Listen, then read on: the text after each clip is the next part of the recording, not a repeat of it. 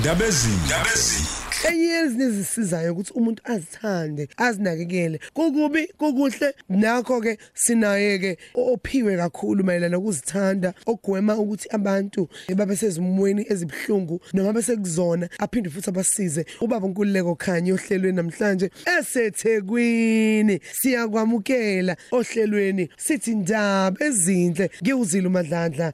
Ngiyakuchazela nje nayi le voice. Ndaba ezinhle madladla asibingelele abantu abasha ekseni abalaleli sasenyangeni yabo. Angibonge kakhulu ukuqala empangeni abantu abasha ade bephume ngobuningi babo. Ebandleni lika baba ushange enkonzweni inkulukazi behlelwe umthoko shange ebeyinhle kakhulu ziningi izinto ebeyikhulunywa laphayana. Kuningi nokufundiseka ade kukhona. Laphayana eThehila esikhawini. Ezinye zezinto engiyifunde kakhulu njoba kusaqhubeka nje inyanga yabantu abasha izinto ze rejection sithola ukuthi abantu abasha abaningi balimele insizwa zilimele kanti futhi konke engiyifundile wezili uma sifika laphayana sinomfoka Linda uNtuli noSithandwa Nzuza eh wayekhona la emsakazweni. Abantu abasha basasenalo ithemba inhlantsana encane kodwa Yebo, Nkosi. abantu abasha balimele ngerejection eyenziwa ngobaba. Kodwa namhlanje ngifuna uzochallenge nje wonke umuntu wesilisa ubaba ongilalele manje ekseni eyintathakusa Yeah. kukhozi FM ukuthi obaba ayibile emasisweni abahambe boyocinga ingane zabo zabafana zikhulumile kuinsizwa laphana zathi ngabe asikhe emajele obaba bethu abasilidayile ukuthi sibe kowesivile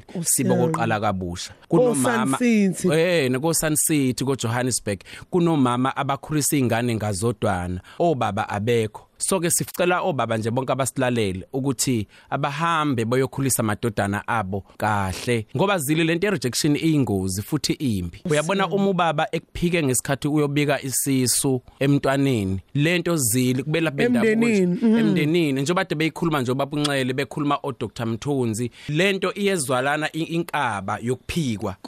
Ukuthi ngaphikwa uthi noma sewuzele uhambe nalento ukuthi konja vele ngaphikwa. Uf- ufaka ama CV vele ngaphikwa ufaka amathenda ngiyaphika lento ye rejection iyingozi. Abanye baze bayigcina beyibulala madladla ngenxa yokuthi umuntu wangiphika ngesikhathi ngiyozalwa. Manje ke sifuna ukuyilungisa ke lonto kubantu bazali ukuthi i rejection iyingozi ake sibheke i impact nobungozi esibenze ebantwaneni bethu. Kungabi khona ingane oyiphikayo ngoba ngesikhathi uyiphika leyo ngane yakho kodwa umphumela wengane yakho bazogcwala lapha emajele bagcine belimele. Siyafisa ke futhi nokusiza abantu abasha abasilalele ekseni ukuthi noma ngabe uphila ngaphansi kwaleso simo sokuphikwa umzali akusho ukuthi kodwa zibulale akusho ukuthi zibukele phansi. Baningi abantu abasha abakhalayo abaphikwe ngabazali vuka uyibuthe ungumuntu omusha uqhubeke uzithande enyangeni yenu Yebo. ungavumi ukugqitshwa ubuhlungu bokuthi waphika uma wakho waphika ubaba wakho. I-rejection iyingozi kunomuntu okhalayo njengamanje kodwa khala uvuke kusasa uthi ngiya phambili. Ezinye izinto esobe sikhuluma ngazo la khona nizobe nimthola khona unkululeko nanoma ngaye kuphi. Bonke abantu abathi nje siyafisa ukuxhumana nonkululeko abayilapha einkundleni zokuxhumana uthi nje nkululeko khanyi uInstagram no Twitter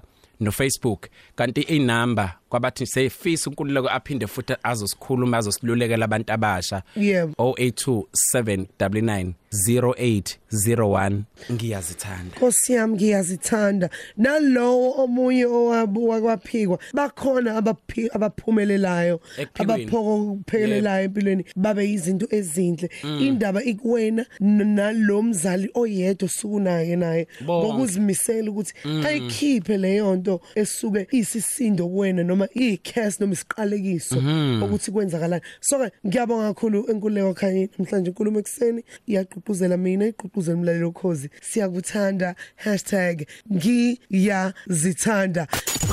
Ndabezini ndabezini njalo ngesonto kusukela ngo-12 kuya ku-3 ekuseni.